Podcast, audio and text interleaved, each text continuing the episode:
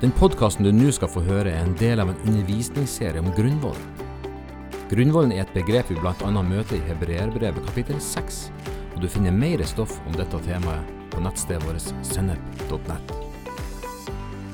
Introduksjon til emnet håndspåleggelse.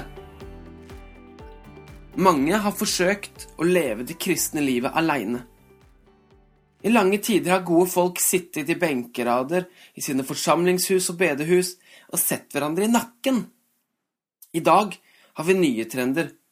Vi har kristne TV-kanaler, eller internettkirker, som erstatter mye av det nære fellesskapet. Mange av de nye menighetene som plantes i dag, følger også trender hvor samlingene har blitt mindre personlig. Det er stort fokus på det som skjer oppe på en scene, det er lyd som overdøver vår egen stemme, og dunkle, mørke saler som gjør at vi slipper å forholde oss til de andre menneskene rundt oss. Men Jesuslivet var derimot ment å være fullstendig håndpåtakelig. Ja, men tro er jo en privatsak, vil mange si.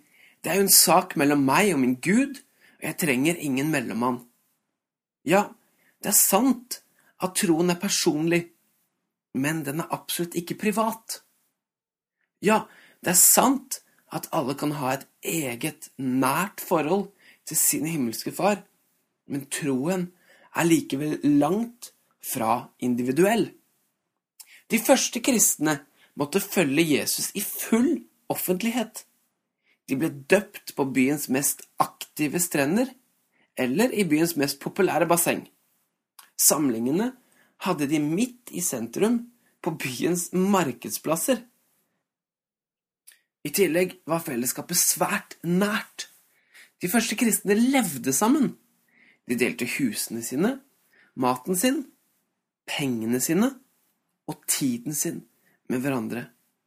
De delte sorger og gleder. De gjorde seg sårbare og avhengig av de andre, og de berørte hverandre. Har du noen gang tenkt over hvorfor håndspåleggelse er så viktig? Det står at det er en av de første og mest grunnleggende ting i vår relasjon til Jesus. Det er en del av den såkalte grunnvollen. Som vi snart skal se, så er det mange grunner til at håndspåleggelsen er så sentral. Men noe av det som gjør den helt unik, er nettopp det at den gjør oss fullstendig avhengig av andre mennesker. Kanskje Gud har inkludert dette elementet spesielt for oss som lever i en så individualistisk tid. Gjennom håndspåleggelsen viser han oss at noen velsignelser vil han bare gi oss når vi er ydmyke nok til å la andre formidle dem til oss. Det er på tide å grave opp igjen denne skatten i dagens trosutøvelse, for det vil få uante konsekvenser. Både legevitenskapen og psykologien har i flere tiår vektlagt viktigheten av berøring for menneskers utvikling og velvære. Behovet for nærhet er lagt dypt ned i oss. Selv om dette nok er et viktig element i læren om håndspåleggelse, så kan det formidles så mye, mye mer gjennom en trosfylt håndspåleggelse enn en tilfeldig berøring. For håndspåleggelse er noe åndelig og helt overnaturlig.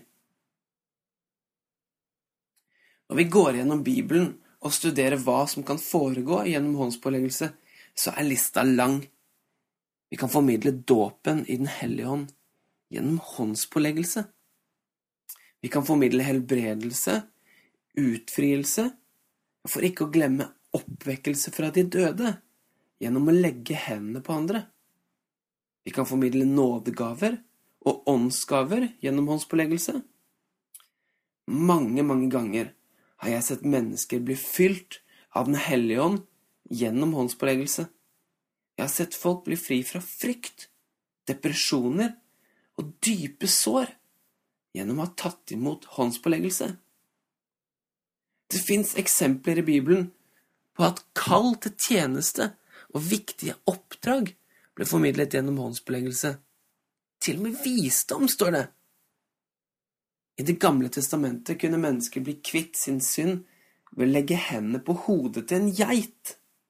Så vi skjønner at det som kan overføres gjennom håndspåleggelse, er sterke saker. Vi vet at Gud lengter etter å frelse og utfri hvert eneste menneske. Han vil røre ved folk. Det er likevel viktig å forstå at han har valgt å begrense seg til å bruke sin kropp på jorden, menigheten, til å formidle mye av det han vil gi oss. Man kan godt si at de troende er hans hender og føtter her på jorda. Du kan være Guds forlengede arm. Og det etterlater oss med et enormt ansvar for å forstå hva som er Guds vilje for mennesker, og hvordan han vil formidle det. For vi trenger både å ha åpenbaring om håndspåleggelse, og vi trenger å lære oss å handle på det i tro. Noe som likevel holder en del tilbake fra å legge hendene på de som er syke, eller som trenger en berøring fra Gud, er at vi altfor ofte ser på oss selv istedenfor Gud.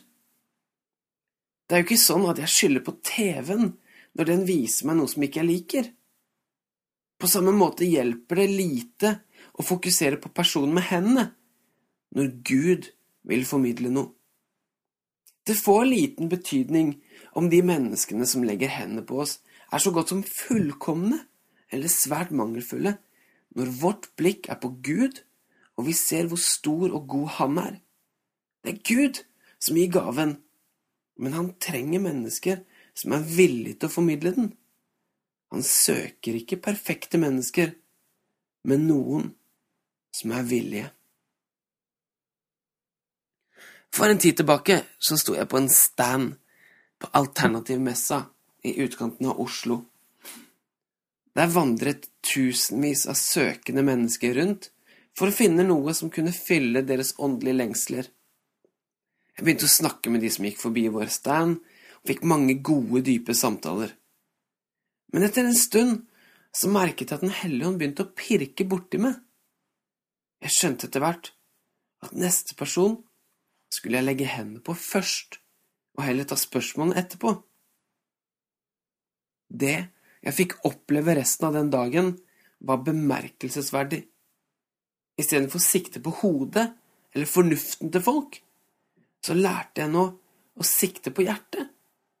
Samtalene etter at jeg hadde lagt hendene på dem og bedt for dem, var noe fullstendig annet enn da jeg begynte med samtalen. Det er rett at evangeliet skal forkynnes, men det vi sier, skal stadfestes med tegn og under. I denne leksjonen skal du derfor lære mer om hva håndspåleggelse er, og hvordan det skal praktiseres, sånn at andre ikke bare får høre om Gud, men får oppleve Han. Sånn at de rundt oss ikke bare hører fortellinger om helbredelse og utfrielse, men de får erfare det. For Gud vil bruke deg